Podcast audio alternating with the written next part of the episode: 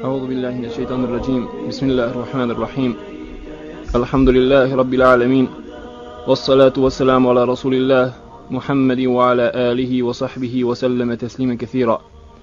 وأشهد أن لا إله إلا الله وحده لا شريك له وأشهد أن محمدا عبده ورسوله. أرسله الله بالحق بشيرا ونذيرا لمنذر من كان حيا ويحق القول على الكافرين. يا أيها الناس اتقوا ربكم الذي خلقكم من نفس واحدة وخلق منها زوجها وبث منهما رجالا كثيرا ونساء واتقوا الله الذي تساءلون به والأرحام إن الله كان عليكم رقيبا. يا أيها الذين آمنوا اتقوا الله حق تقاته ولا تموتن إلا وأنتم مسلمون. يا أيها الذين آمنوا اتقوا الله وقولوا قولا سديدا. يصلح لكم أعمالكم ويغفر لكم ذنوبكم ومن يطع الله ورسوله فقد فاز فوزا عظيما أما بعد Draga braćo i sestre, assalamu alaikum wa rahmatullahi wa barakatuh. Zašto ova tema? Tema o Dejjalu. Kaže jedan od ashaba Allahu poslanika sallallahu alaihi wa sallam كان الناس يسألون النبي صلى الله عليه وسلم عن خير وكنت أسأله عن شر Ljudi su pitali Allahu poslanika sallallahu alaihi wa sallam o dobru, a ja sam ga pitao o zlu. Ne zbog samog zla, nego da bi ga se znao zaštititi. Drugi razlog, zbog čega sam izabrao ovu temu, draga braćo i sestre, jeste to što je Allahu poslanik sallallahu alaihi wa sallam rekao u hadithu koga bilježi imam i Buharija i Muslim, koga prenosi Esma bint Ebi Bekr, radi Allahu ta'ala anha, koja je došla u mezđid Allahu poslanika sallallahu alaihi wa sallam i zatekla je ljude kako stoje na namazu došla je kod Ajše, koja je također bila u namazu, i upitala je šta je to, pa je pokazala Ajša i šaretom na sunce. U tom momentu bilo je pomračenje sunca.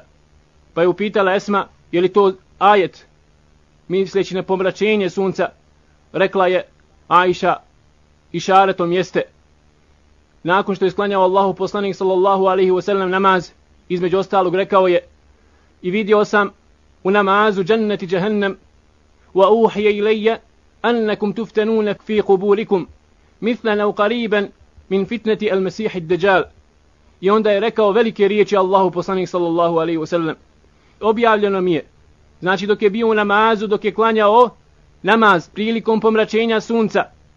I objavljeno mi je da ćete vi biti iskušavani u kaboru. Isto ili slično blizu iskušenju fitne od Mesiha Ad-Deđala.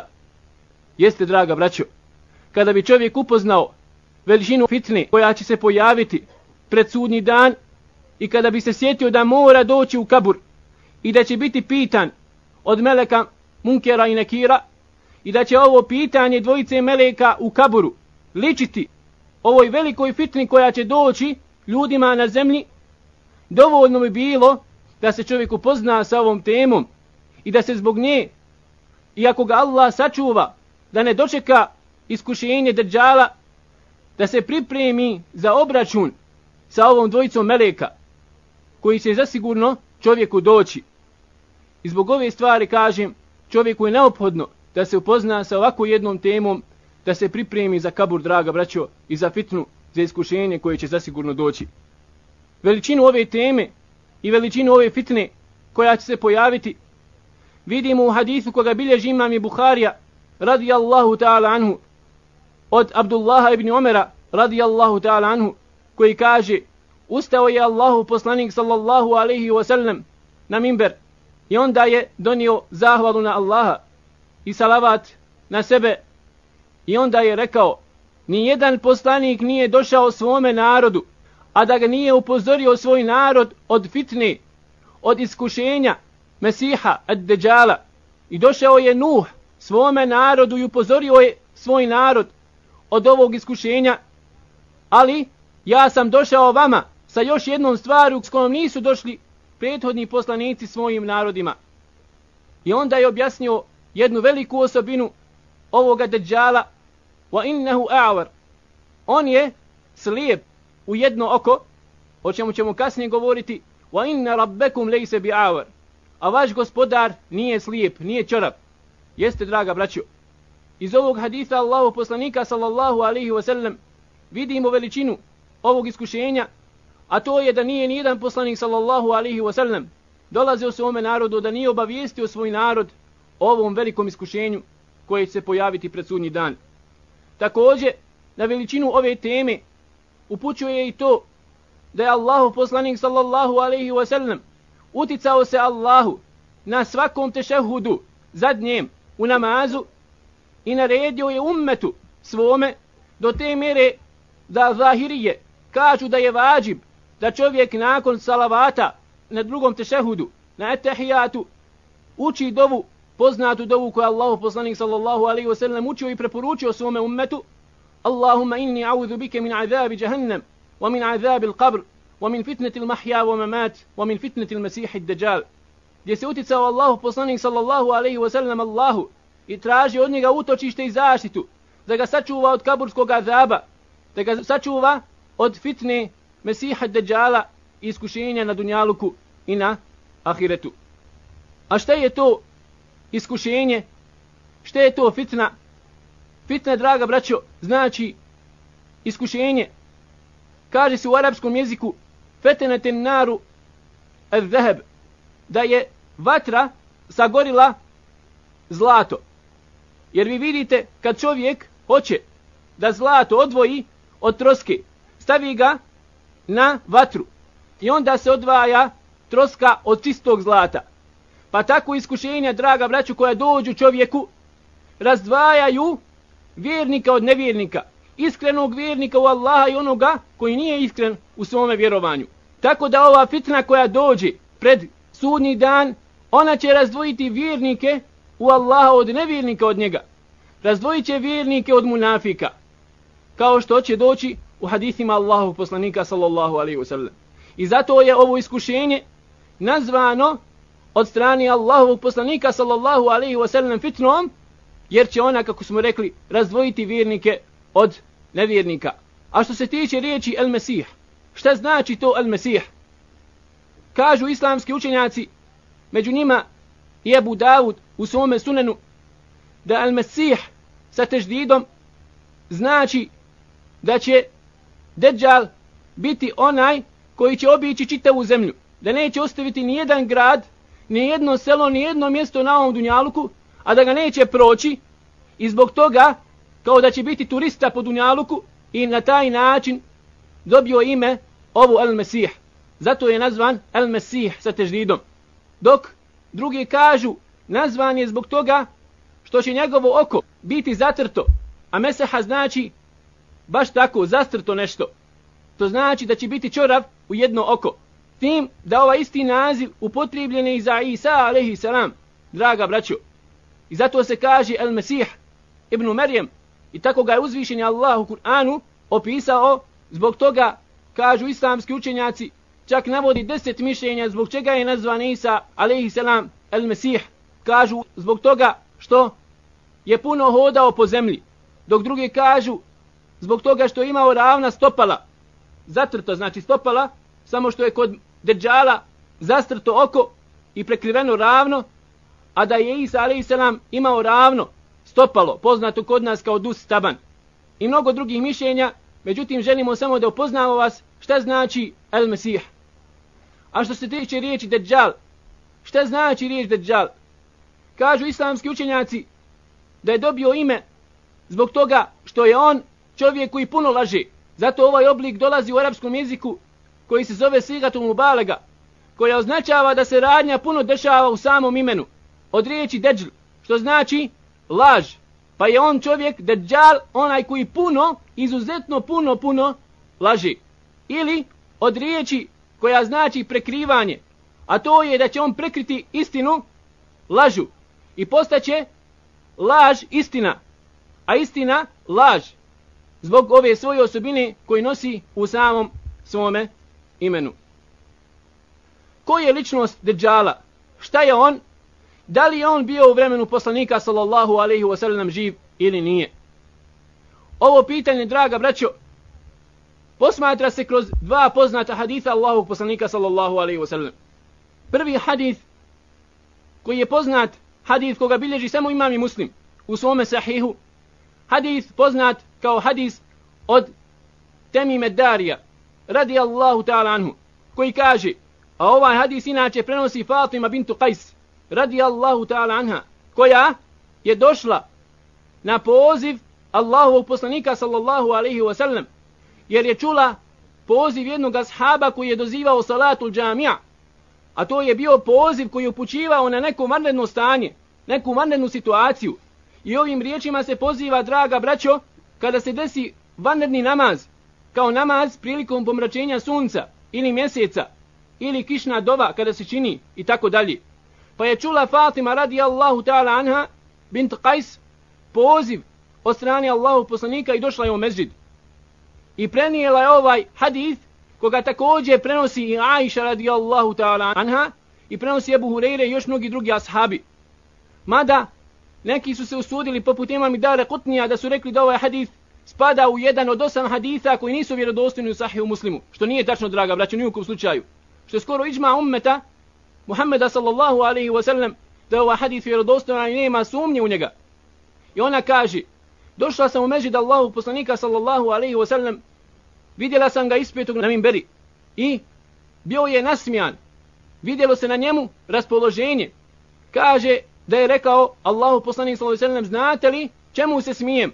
Pa su rekli, Allah i njegov poslanik najbolje znaju. Kaže, smijem se tome što je došao Temim Eddari, koji je bio kršćanin iz Šama. Došao je i primio islam. I ispričao mi je priču koja je potvrdila ono što sam vam ja pričao o Mesihu Dejjalu. Koju priču? Kažite mi Meddari, radijallahu ta'ala anhu. Bio sam sa 30 ljudi na brodu, iscrpljeni, bez vode i hrane, našli su se pred ostrvom nekim. Iskrcali su se u potrazi za hranom i vodom i naišli su na životinju koja je bila obrasla dlakama. I sprijeda i sa zada nikada takvu neku životinju u životu svome nisu vidjeli. Nije ju se znalo mjesto glave, niti mjesto stražnice. Sa svih strane izgledala isto. I onda je progovorila, rekla je, ko ste vi? Hadis, draga braćo, od Allahovog poslanika, sallallahu alaihi wa sallam, u koji ne smije imati jedan vjernik, nimalo sumnje hadis sahih u muslimu. Kažu, mi smo ti i ti, tako i tako. Ko si ti? Kaže, ja sam džesasa. I hadis kod muhaddisa je poznat kao hadis al-đesase. A što znači, ona osoba koja puno uhodi, nazvana je ovako, zato što je uhodila i donosila vijesti Deđalu. Kaže, ja sam Jessasa.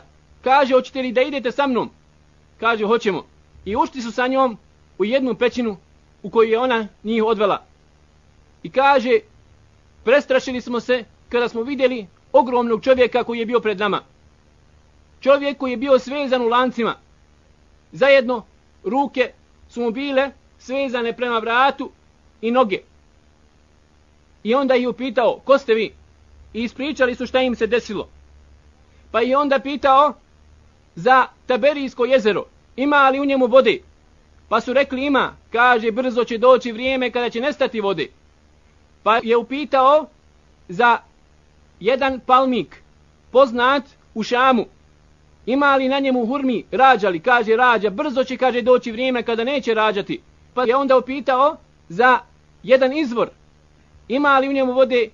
Pa su rekli ima, ljudi iz njega toče vodu i navodnjavaju svoje zemljište. Pa je rekao, brzo će doći vrijeme kada će presušiti. I onda je upitao, je li se pojavio poslanik od nepismenih Arapa. Kaže, jeste, čuli smo da se pojavio, izašao je iz Mekke i došao je u Medinu. Kaže, onda približilo se vrijeme kada ću se ja ubrzo pojaviti. I ovako, draga braćo Temim Eddari, kada je čuo ove riječi, kada se vratio u Šam i zaputio se Allahom poslaniku sallallahu alaihi wa sallam u Medinu, da primi islam zbog ovog događaja ispričao je riječi Allahom poslaniku sallallahu alaihi wa koji je Allahu poslanik potvrdio draga braćo i onda je rekao Allahu poslanik sallallahu alaihi wa sallam udarivši nogom o mimber hadhi tabe tri puta. Ovo je taba ovo je jedno od imena draga braćo Medine koja ima preko 80 imena. Ovo je znači dobar grad u njega neće ući el mesih ad-dajjal I onda je spomenuo također tu stvar i za Meku. Ovako, draga braće, ovaj hadis Allahu poslanika sallallahu alaihi wa sallam jasno upućuje da Dejjal je živio u vremenu poslanika sallallahu alaihi wa sallam. Kao što se može vidjeti izvan štine ovog hadisa Allahu poslanika sallallahu alaihi wa sallam. Međutim, ono što je neke islamske učenjake zbunilo jeste stvar jedne osobe koja se zvala Safin ibn Sayyad, jedan židov koji se pojavio u Medini Allahu poslanika sallallahu alaihi wasallam, koji je imao čudne stvari kod sebe. Prvo, ovaj židov, dječak, rodio se s veoma, veoma sličnim osobinama koje je Allahu poslanik sallallahu alaihi wasallam obavijestio da će biti kod deđala. Do te mjere, draga braću i sestre, da je Omer ibn Khattab radijallahu ta'ala anhu pred poslanikom sallallahu alaihi wasallam se zakleo da je on deđal o kome je obavijestio Allahu poslanik sallallahu da će se pojaviti. Pa je sam Džabir radijallahu ta'ala anhu takođe na osnovu zakletve Omer ibn Khattaba vjerovao da je on deđal. O čemu se radi? Ovaj dječak rodio se u porodici kojoj se nije rodilo dijete onoliko koliko Allah poslanik s.a.v. obavijestio. Zatim nosila ga je majka 12 mjeseci, priznala je to jednom od ashaba i onda Allahov poslanik sallallahu alejhi ve sellem uputio se sa Omer ibn Khattabom radijallahu ta'ala anhu da ispita o čemu se radi.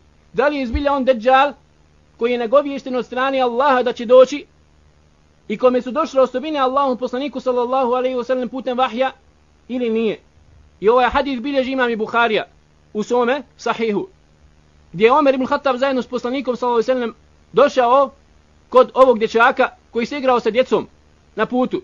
I uvatio ga je Allahu poslanik sallallahu alejhi ve sellem za leđa i rekao: "Ko si ti?" Onda je ovaj dječak odgovorio da on zna vijesti. Šta će se desiti? Da on zna istinu i laž.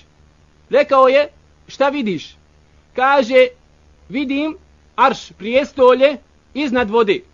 A u predaju od Ahmed ibn Hanbala u Musnedu da on vidi prijestolje iznad vode ispod kojeg hodaju i plivaju kitovi.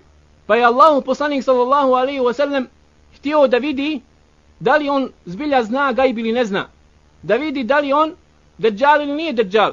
I onda je rekao Allahu poslanik sallallahu alaihi wa sallam ja sam ti nešto pripremio, pogodi šta je to. Pa je rekao ovaj dječak duh. Rekao je samo ovu duh.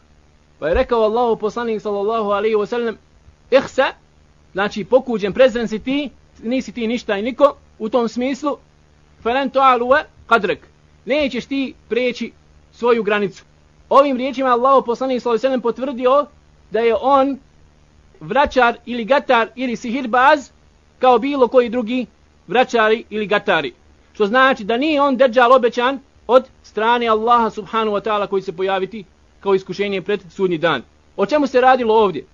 Allahu poslanik sallallahu alaihi wa sallam je zamislio vatru, dim i onda je ovaj dječak naslutio kažu komentatori ovog haditha da je Allahu poslanik sallallahu alaihi wa sallam rekao Omer ibn Khattabu šta je zamislio tako da je šeitan ukrao dio samo riječi, jer duhan u arapskom jeziku znači dim.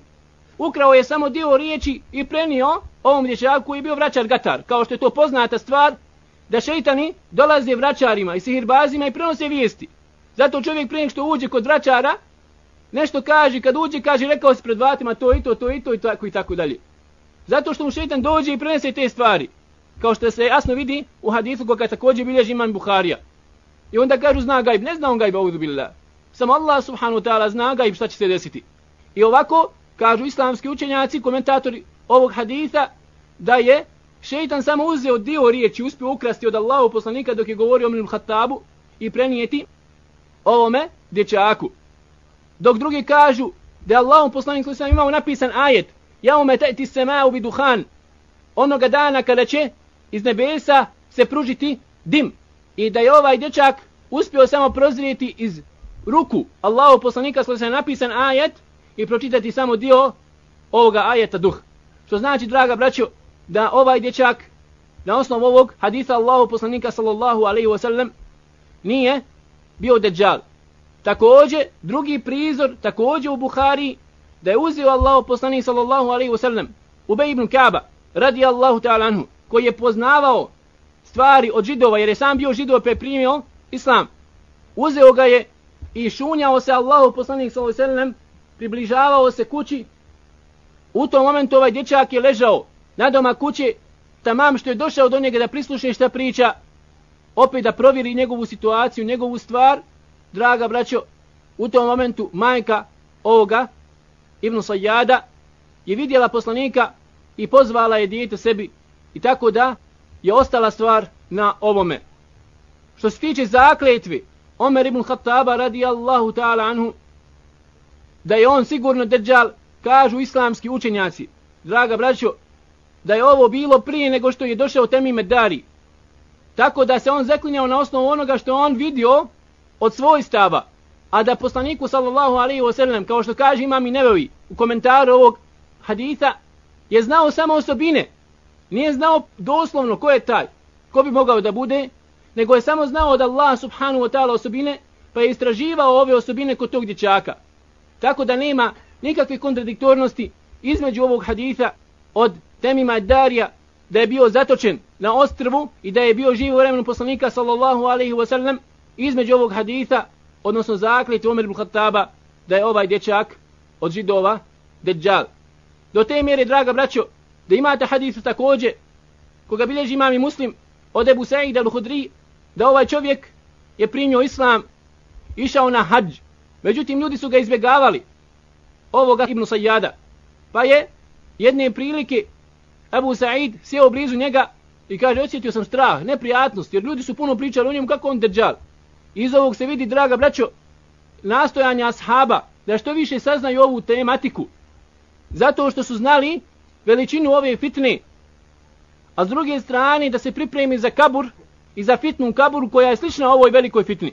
Pa kaže Abu Sa'id, u jednom momentu osjetio sam sažaljenje jer niko nije htio sa njim da se druži.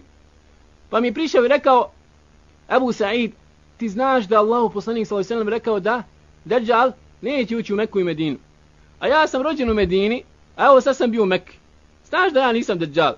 Pa je Ebu Said kaže smilovao sam se, sažalio sam se na njega. I uzeo sam lijeko koje mi je ponudio. I kad sam se fino napio, onda mi rekao, ali kaže, slušaj, tako mi Allaha, ja znam i gdje je on, i kad se rodio, i ko su mu roditelji. I onda, kaže, bacio sam onu posudu i pobjegao od njega. Što je i ovo jasno upućuje, draga braćo i sestre, da ovaj čovjek je bio samo jedan od vraćara, gatara ili sihirbaza, a da nije on u stvari bio šta? Dajjal i prenosi islamski učenjaci između ostali El Halimi koji kaže da je umro u Medini Ibn Sayyad i kada je umro nakon što je ogasuljen sakupio je imam prisutne i otkrio njegovo lice da vidite da je preselio da ne bi imao više neko šubhe. I to bi otprilike bilo znači vezano za ovoga čovjeka što ostaje, draga braćo, na tome da je Dejjal bio zatočen na ovom ostrvu koje je opisao temi medari i potvrdio mu Allahu poslanik sallallahu alaihi wasallam. Ostaje sada pitanje kako odgovoriti na riječi Allahu poslanika sallallahu alaihi wasallam hadith koga bilježi imam i Bukharija također od Jabira ibn Abdillaha radijallahu ta'ala anhu. A to je, kaže, čuo sam Allahu poslanika sallallahu alaihi wasallam na mjesec dana prije nego što će preseliti, da je rekao, tako mi Allaha nema ni jedne žive duše ovdje na ovoj zemlji, a da će doživjeti stotinu godina od ovog dana. Što znači, ako je bio Dejjal, živ proizilazi iz ovog hadita da je umro.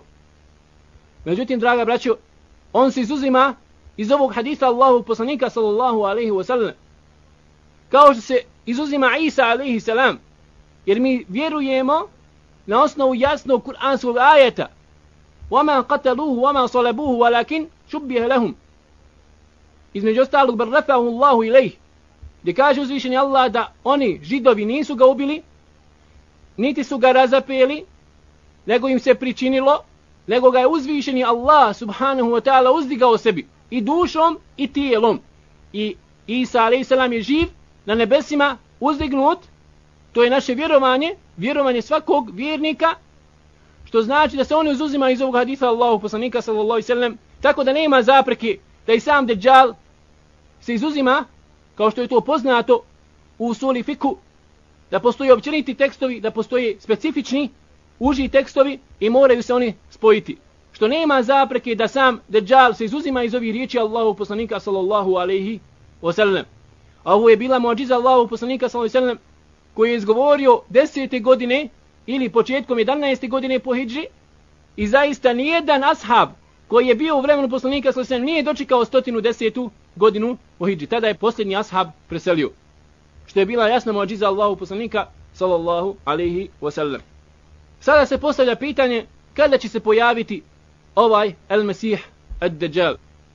Draga braćo, prije nego što odgovorimo na ovo pitanje, želim da napomenem jednu veoma bitnu stvar, a to je da shvatimo redoslijed određenih velikih predznaka sudnjega dana, jer mnogi nisu rašistili ovu stvar kod sebe. Čak kod određenog dijela u Leme naći ćete da su se razišli zbog ajeta i haditha Allahu poslanika sallallahu alaihi wasallam koji su manje jasni. Tako na čemu je većina islamskih učenjaka da se veliki preznaci sunnjega dana otprilike dijeli na dvije vrste. Prva vrsta od njih jeste period dolaska baš ovoga El Mesiha Ad-Dejala i za koga odma toga slijedi silazak i dolazak Isa alaihi salam gdje se može jasno vidjeti iz tekstova haditha Allahu poslanika sallallahu alaihi wasallam iz redoslijeda događaja gdje se vidi da iza dolaska Dejjala dolazi silazak Isa alaihi salam. A nakon toga dolazak je džuđa i međuđa i onda jedno veliko rasjepljenje koje će se desiti na zemlji. Ova tri ili četiri velika predznaka sunnjega dana, oni su vezani za ovaj dunjalučki ovdje svijet, dunjalučki svijet, gdje nemate nekih velikih poremećaja u kosmosu i propasti. To je sve do smrti Isa alaihi salam. Nakon toga, draga braćo, dolazi druga skupina velikih preznaka sunnjega dana koji će dolaziti jedni za drugog, a to je duhan koji će se pojaviti, veliki dim, zatim izlazak sunca sa zapada i pojava, draga braćo, životini, za koju kažu islamski učenjaci na osnovu jednog haditha, da će se pojaviti iz brda Safa u Mekki. A što se tiče redoslijeda, ovih tri prva koje smo spomenuli ili četiri, zašto smo rekli da su oni prije ovi? Zato, draga braćo, što kaže Allah subhanahu wa ta'ala, يوم يأتي بعض آيات rabbik, la ينفع نفسا إيمانها لم تكن آمنت min qabl. Toga dana, kada dođu neki znakovi Allaha subhanahu wa ta'ala, neće koristiti vjerovanje čovjeku ako ne bude prije toga vjerovao. A jasno se može vidjeti da u vremenu Isa alaih da će primati te obu Allah subhanahu wa ta'ala, jasno se vidi da će Isa alaih prihvatati islam kršćana koji budu povjerovali u njega, što znači da nema sumnje da dolazak Isa a.s. prethodi izlasku sunca sa zapada, kada više neće biti primljena teoba ni jednog čovjeka, jer ovo su veliki poremećaj u kosmosu, izlazak sunca sa zapada, zatim duhan sa nebesa, rasepljenje. I onda kada čovjek vidi jedan veliki znak, nema sumnje, draga braću i sestre, da će povjerovati. Više onda nije iskušenje u vjerovanju. Onda će svako povjerovati. Dok iskušenje Dejjala je suprotna stvar. Pojava Isa a.s. također je suprotna stvar. Jeđuđ i među također. Postoji mogućnost da ljudi i dalje ostanu u kufru. Čak naprotiv jasno hadife Allahu poslanika sa uselem upućuju da će većina ljudi tada otići u kufr. Slijedeći Dejjala. Što kažem, nema sumnje da ova tri predznaka koja smo spomenuli dolazi na prvom mjestu kao što je znači pojava Dejjala, nakon toga dolazak Isa alaihi salam i onda dolazak i džuđa i džuđa i njihovo umiranje zbog beričeta dove Isa alaihi salam na turu Sinau. I onda nakon toga život od sedam godina Isa alaihi salam. I onda kada bude preselio onda dolazi draga braćo vjetar koji se pominje u hadisu koga bilježi također imam Buharija i Muslim, vjetar od strane Jemena, a u drugoj predaji vjetar od strane Damaska, Šama, kažu islamski učenjaci, ili su to oba dva, dva vjetra koji će uzeti duše vjernika u Allaha subhanahu wa ta'ala, ili je to jedan vjetar koji će otpočeti u Jemenu, a završće u Šamu nakon što bude obišao čitavu zemlju i bude pouzimao duše od vjernika sa dozvolom Allaha subhanahu wa ta'ala. Ako ovaj raspored dolaska velikih preznaka sudnjega dana svatimo, onda daleko lakše će nam biti da shvatimo sada dolazak Deđala i u kojem vremenu će se on pojaviti. Koje je to vrijeme, draga braćo? Kada se to desiti, to, draga braćo, spada u gaib. Niko ne zna osim Allaha subhanahu wa ta'ala. Jer, ako poslanik Muhammed sallallahu alaihi wa sallam nije znao da li je Ibn Sayyad Deđal ili nije, ima li neko drugi da može to da zna? Zato, draga braću, ko povjeruje u proročanstva određena Kleopatre ili nekoga drugoga koji predviđaju da se desiti tada sunni dan pojava određeni ličnosti tako dalje tako dalje. Znate, draga braću, da to biva nevjerstvo u Allaha Đelšanu. Nevjerstvo koje izvodi potpuno čovjeka iz vjeri. Zato kažem ovu stvar, niko ne zna osim Allaha subhanahu wa ta'ala. Međutim, Allahu poslanik sallallahu alaihi wa sallam nam je opisao određene znakove.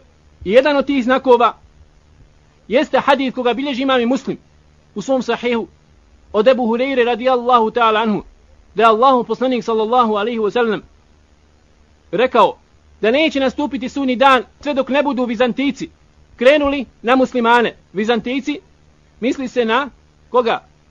Kršćane, katolike, sve da se radilo katolicima ili pravoslavcima. Jer oni u terminu Ar-Rum podrazumijevaju se jedni i drugi, bez obzira što se kasnije podijelili. I treba da napomenemo, draga braću, da je muadžiza Allahu poslanika, sallallahu alaihi wa sallam, to što je rekao, da će biti otkinut rog Perzijanaca i da više neće nikad niknuti. I zaista vi znate da više nikad nije carstvo Perzijsko niklo. Ali, kad god budu muslimani osikli rog Vizanticima, uvijek će niknuti nakon toga. Draga braćo, i ovdje jasno upućuje znači da će kršćanstvo ostati i do ovog momenta, kao što se to jasno vidi, sve do dolaska Isa a.s.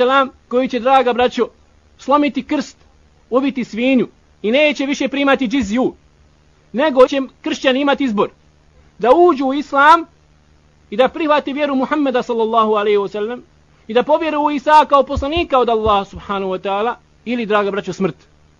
Iz ovog haditha vidi se da će Vizantijci kršćani krenuti na muslimane i čuće za njih grupa vjernika za koju Allah poslanik sallallahu rekao da je to najbolja grupa vjernika u tom vremenu u Medini Allahu poslanika Muhammeda sallallahu alaihi wasallam. I izaći će ova grupa da se suprostavi Bizanticima i doći do kršaja. Jedna trećina kaže Allahu poslanik sallallahu alaihi wasallam biće poražena i pobjeće. I kaže ta grupa je ona koju neće Allah oprostiti ovo bježanje iz bojnog polja. Druga trećina će ostati ustrajna sve dok ne bude preselila Allahu šanu. I kaže to su najbolji šehidi koje je uzvišen Allah subhanu wa ta'ala odabrao. I treća grupa od ove vojske koja će krenuti iz Medine protiv kršćana jeste grupa, draga braću, koja će pobijediti u ostatku bitke kršćane i kaže to su najbolji oslobodioci koji se kad pojavili. I to su oni koji neće podpasti pod fitnu. I onda će doći do Konstantinije, do Istambula. Iz ovog haditha vidi se da će još jedan put biti oslobađanje Konstantinije i da će biti velika previranja na tom dijelu i borba između kršćana i muslimana, jer oni do sunnjega dana neće odustati od svoje prijestolnice. I onda, kada budu oslobodili Istanbul, odnosno Konstantiniju, kaže Allah poslanik sallallahu alaihi wasallam da će šeitan viknuti, vi ste tu došli, a pojavio se Dejjal i otišao prema vama u Medinu, prema vašim porodicama. A kaže Allah poslanik slagaće im, neće biti još u tom vremenu pojava Dejjala.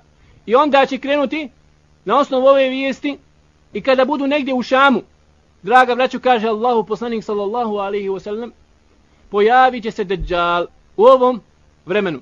Vanština ovog haditha upućuje da ova grupa najboljih boraca koji će biti sačuvani od fitne vanština i slijed događaja upućuje da bi oni mogli biti ti koji će biti zatvoreni od strane Deđala u Jerusalim, u Kuc. Jer kaže Allah poslanik kada budu u Šamu, znači u tom dijelu pojavit će se Deđal.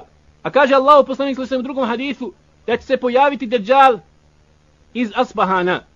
To je mjesto na istoku današnji dio Perzije, gdje se nalaze šije. Kaže Allah poslanik sallallahu u hadisu koga bilježi imam muslim. U ovom hadisu malo prije da je upravo Allah poslanik rukom prema istoku i rekao odavde će se pojaviti Dejjal. I draga braćo, za ovih 1600 godina fitne koje se dešavale među muslimanima, znajte dolazilo je sve sa istoka. Počev od hađađa, počev, draga braćo, dobistva Huseina, unuka Allahu poslanika Muhammeda sallallahu alaihi wa sallam, ko ubijen tamo na Kerbeli, velike fitne koje su dešavale, dešavale se sa istoka, kako Allahu poslanik sallallahu alaihi wa sallam obavijestio. 70.000 židova će slijediti Dejjala i bit će njegova vojska. Također kako se kaže u hadisu Allahu poslanika Muhammeda sallallahu alaihi wa sallam. I obići će za 40 dana i 40 noća u drugoj predaji obići će draga vraća čitavu zemljsku kuglu. Neće ostati ni jedno mjesto da neće ući u njega. I poznat hadith Allahu poslanika sallallahu alaihi wasallam da će biti dan kao godina, dan kao mjesec, dan kao sedmica, a ostali dani kao ostali dani. Pa su pitali ashabi Allahu poslanika Muhammeda sallallahu alaihi wasallam a šta ćemo u tim dugim danima? Hoće li nam biti dovoljno jedan namaz u toku čitavog tog dana? Pa rekao Allahu poslanik ne, nego brojite, mjerite. Iz ovog hadisa islamski učenjaci uzimaju dokaz za one koji se nađu recimo na nekom od polova gdje noć traje šest mjeseci, brojaće, odmjeravaće svoje namaze pet puta u 24 sahata. I onda doće, draga braćo, Dejjal pred Medinu. I spominje imam Buhare čitavo jednom poglavlju o vrijednosti Medine i o Dejjalu, gdje će doći na same prilaze Medine. A toga dana Medina će imati sedam prilaza, sedam puteva koji će voditi ka njoj. Doći na mjesto koje je poznato danas, zemlja, znači u površini se nalazi so i ulogori će se tu. I kad bude htio da krene, neće moći da uđe u nju, jer na svakom od tih prilaza nalaze se po dva meleka isukanih sablji. I kaže Allahu poslanik sallallahu alaihi wa sallam, neće u Medinu ući čak ni strah od Deđala. Pa ako neće ući strah, još preće da ne uđe tijelo, biće samoga Deđala. I onda uzvišeni Allah subhanahu wa ta'ala će dati tri velika potresa u Medini, gdje će izaći svaki nevjernik i munafik iz nje i pridružit se, draga braćo, vojski Deđala. Nakon toga izaći će mladić kako to se navodi u hadithu koga bilježi imam i Buharija, mladić za koga Allah poslanik sallallahu alaihi wa sallam kaže da je on najbolji mladić u tome vremenu ili među najboljim mladićima. I otići će pred Dejjala. Kaže jedan od ashaba Allahu poslanika sallallahu alaihi wa sallam misli smo da je to Omer radi Allahu ta'ala anhu sve dok nije preselio. Pa kada je preselio, onda smo znali da nije on to. I onda izaći ovaj mladić pred Dejjala i reći će, svjedoči im da si ti onaj lažac, onaj deđal o kome nas je obavijestio Allahu poslanik sallallahu alaihi wa sallam da će doći. Pa će se okrenuti deđal svojim pristalicama i reći će, ako ga budem ubio i proživio, hoćete li im povjerovati da sam ja Bog, reći će svakako, pa će ubiti ovog mladića i proživit će ga. Iskušenje, draga braćo. Pa će ovaj reći mladić, tako mi Allah, sad sam još više siguran da si ti onaj deđal, onaj lažac u kome nas je obavijestio Allah u poslanik sallallahu alaihi sallam. Kažu islamski učenjaci, da će ovaj mladić znati hadis Allahu poslanika sallallahu alaihi sallam. I da će mu samo ovaj događaj povećati još ubjeđenje u njegovom srcu, I ovako, draga braćo vjernici u Allah subhanu wa ta'ala, u vremenu fitne, u vremenu teških momenata za islam i za čovjeku vjeru, budu još više ustrani na Allahovu subhanu wa ta'ala vjeri. Kad napadaju dosta na islam, sa svih strana, draga braćo, tada vjernik još žešći izlazi iz tih iskušenja, jer šta će vatra učiniti sa gvoržem? Nema sumnje da će mu povećati tvrdoću njegovu i da će o želje postati još čelik, ovako čovjek iz iskušenja ovih izlazi. I onda ovaj mladić, draga braćo, kada bude rekao ove riječi, onda će ga zaista htjeti deđal ubiti, međutim Allah mu neće dozvoliti da pokaže njegovu slabost. Sada, usput da napomenemo samo ukratko njegove osobine. Ovo je, draga braćo i sestre, jedno veliko iskušenje koje će uzvišeni Allah želešenu poslati ummetu Muhammeda sallallahu alaihi wa sallam. Iskušenje, čovjek koji će u početku biti dobar, pokazivati dobrotu u ibadetu, nakon toga proglasi se poslanikom, nakon toga proglasi se Bogom. Allah će mu želešenu dozvoliti da ima nadnaravne osobine koji dostižu do stepena božanstva. Jedna od tih da će moći oživiti mrtvoga, kao što se vidi jasno iz ovog hadisa Allahu poslanika sallallahu alaihi wasallam. Da će naići pokraj zemlji koja je neplodna, kamenjara i reće rasti bilje, bilje će rasti. Naredit će nebesima da pada kiša, more će nebesa da proliju kišu. Iskušenje, draga braću. Kada bude prolazio, kaže Allah poslanik sallallahu alaihi wasallam, pokraj naselja, pitaće ljude, hoćete li povjerovati u mene da sam ja Allah? Reće, nećemo. Onda će reći da sve pomire živo što ima i sve će pomrijeti, stoka, hajvani, bilje.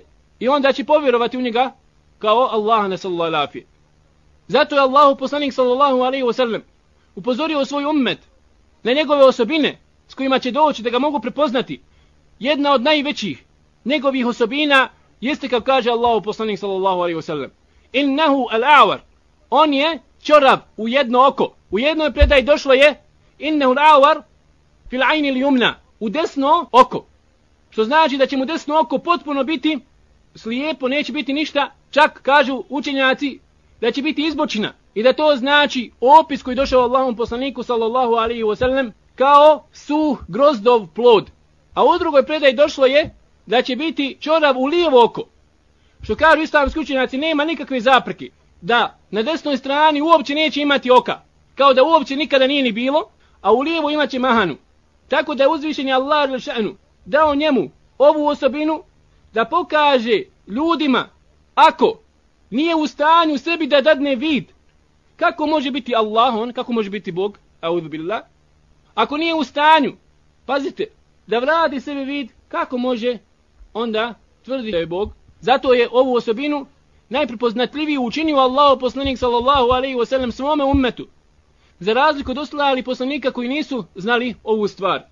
Također, hadis u Buhari da će jedna od njegovih osobina biti to da će na njegovom načelu pisati kaf, fa i ra, kafir.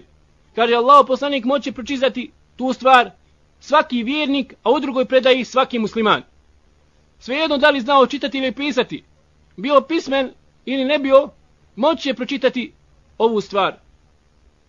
Bilježi imam i Buharija hadith, da je Allah poslanik sallallahu alaihi wasallam vidio u snu. Isa alaihi salam kako tavafio ku Kjabe. I upitao ko je ovo pa mu je bilo rečeno da je to Isa alaihi salam. I opisao ga sa njegovim osobinama. Onda je vidio čovjeka ko vrđave kose bio je izuzetno veliko krupnog tijela, imao je herave noge, kao čovjek kad ješi. Ovakvog čovjeka Allah poslanik sallallahu alejhi vidio, pa je upitao ko je ovaj, pa je rekao to je Dejjal. Međutim treba da znamo draga braćo da ovo nema kontradiktornosti to što je obavijestio Allah poslanik sallallahu alejhi ve da on neće ući niti u Meku niti u Medinu. Jer ove osobine je vidio Allah poslanik sallallahu u snu, ne u stvarnosti. S druge strane, nema zapreke da uđe možda u Meku i Medinu prije nego što se proglasi za Dajjala. Je vam jasno? Što znači da nema uopće nikakve kontradiktornosti između ovoga što je rekao Allah poslanik sallallahu da ga vidi u snu i između toga da neće moći ući niti u Meku niti u Medinu. Imaće, kaže Allah poslanik sallallahu sa sobom deđal, baštu i vatru. I kaže ako neko od vas bude primoran da ga posluša pa da uđe u jedno od dvoje, neka izabere vatru, jer to je spas, a koji izabere baštu, to je vatra. Također imate hadis od Mugire, Ibn Šuabe radijallahu ta'ala anhu koji je pitao Allahu poslanika sallallahu alaihi wasallam je li istina Allahu poslaniće da će imati sa sobom rijeku i hljeba pa je rekao Allahu poslanik šta će ti to naškoditi Allah neće dozvoliti vjernicima da posrnu. Nemoj se kirati. Htio Allahu poslanik da utješi Mughiru radi Allahu ta'ala anhu. Međutim, iz ovog hadisa jasno se vidi da mu je odobrio ovo pitanje, znači da će imati sa sobom rijeku i hljeb i tako dalje. I nakon toga, draga braćo, dolazi okruženje vjernika u kucu, gdje će držati dugo u opsadi vjernike, židovi zajedno sa deđalom. I sada da vam napomenem jednu patku koju su smjestili židovi kršćanima. Ubacili su židovi jednu patku u novi zavjet kršćanima. U opisu dolaska Isa a.s. na zemlju, jer oni tvrdi da će se spustiti u kuc. Pazite, jasno se vidi u novom zavjetu koji je ubacio polis, poznati židov koji je primio kršćanstvo, na izgled, jasno se vidi da u momentu dolaska Isa a.s. u kuc po njihovom vjerovanju, kršćanskom, u novom zavjetu, da se u tom momentu nalaze židovi unutra u kucu. Zato kršćani vjeruju da neće se pojaviti Isa a.s. sve dok ne budu židovi unutra u kucu. Pazite. I zato papa podržava danas boravak sami židova u kucu, u Jerusalemu. Jer vjeruje da je to uslov da bi došao sam Isa a.s. I onda vjeruju da će nakon toga povesti Isa a.s. kršćane protiv židova i protiv muslimana. Razumijete li? Što draga braćo, je potpuno netačno. Prvo, nije tačno da će se Isa a.s. spustiti gdje? U kuc. Nego hadis je vjerodostojan da će se Isa a.s. spustiti, kako to se navodi u vjerodostojnom hadisu koga bilježi iman muslim, kod bijele munare u istočnom dijelu Damaska na krilima dva meleka da će sa njegove glave padati dragulji, draga braćo, i onda imate drugi hadis koji upućuje na to da će se pojaviti na sabah namazu u kucu dok budu muslimani zajedno u ovom hadisu navodi sa svojim vođom. A na osnovu drugih hadisa se vidi da je to Mehdija radi Allahu ta'ala anhu da će se pojaviti Isa a.s. na sabah namazu u kucu. A ovom hadisu navodi da će biti spuštanje na zemlju gdje? U Damasku. Kažu islamski učenjaci. Onaj ko je moćan da spusti Isa a.s. u Damask. On je isto tako moćan Allah še'nu, da prenese Isa a.s. iz Damaska ili bilo kojeg drugog dijela svijeta unutra u kuc.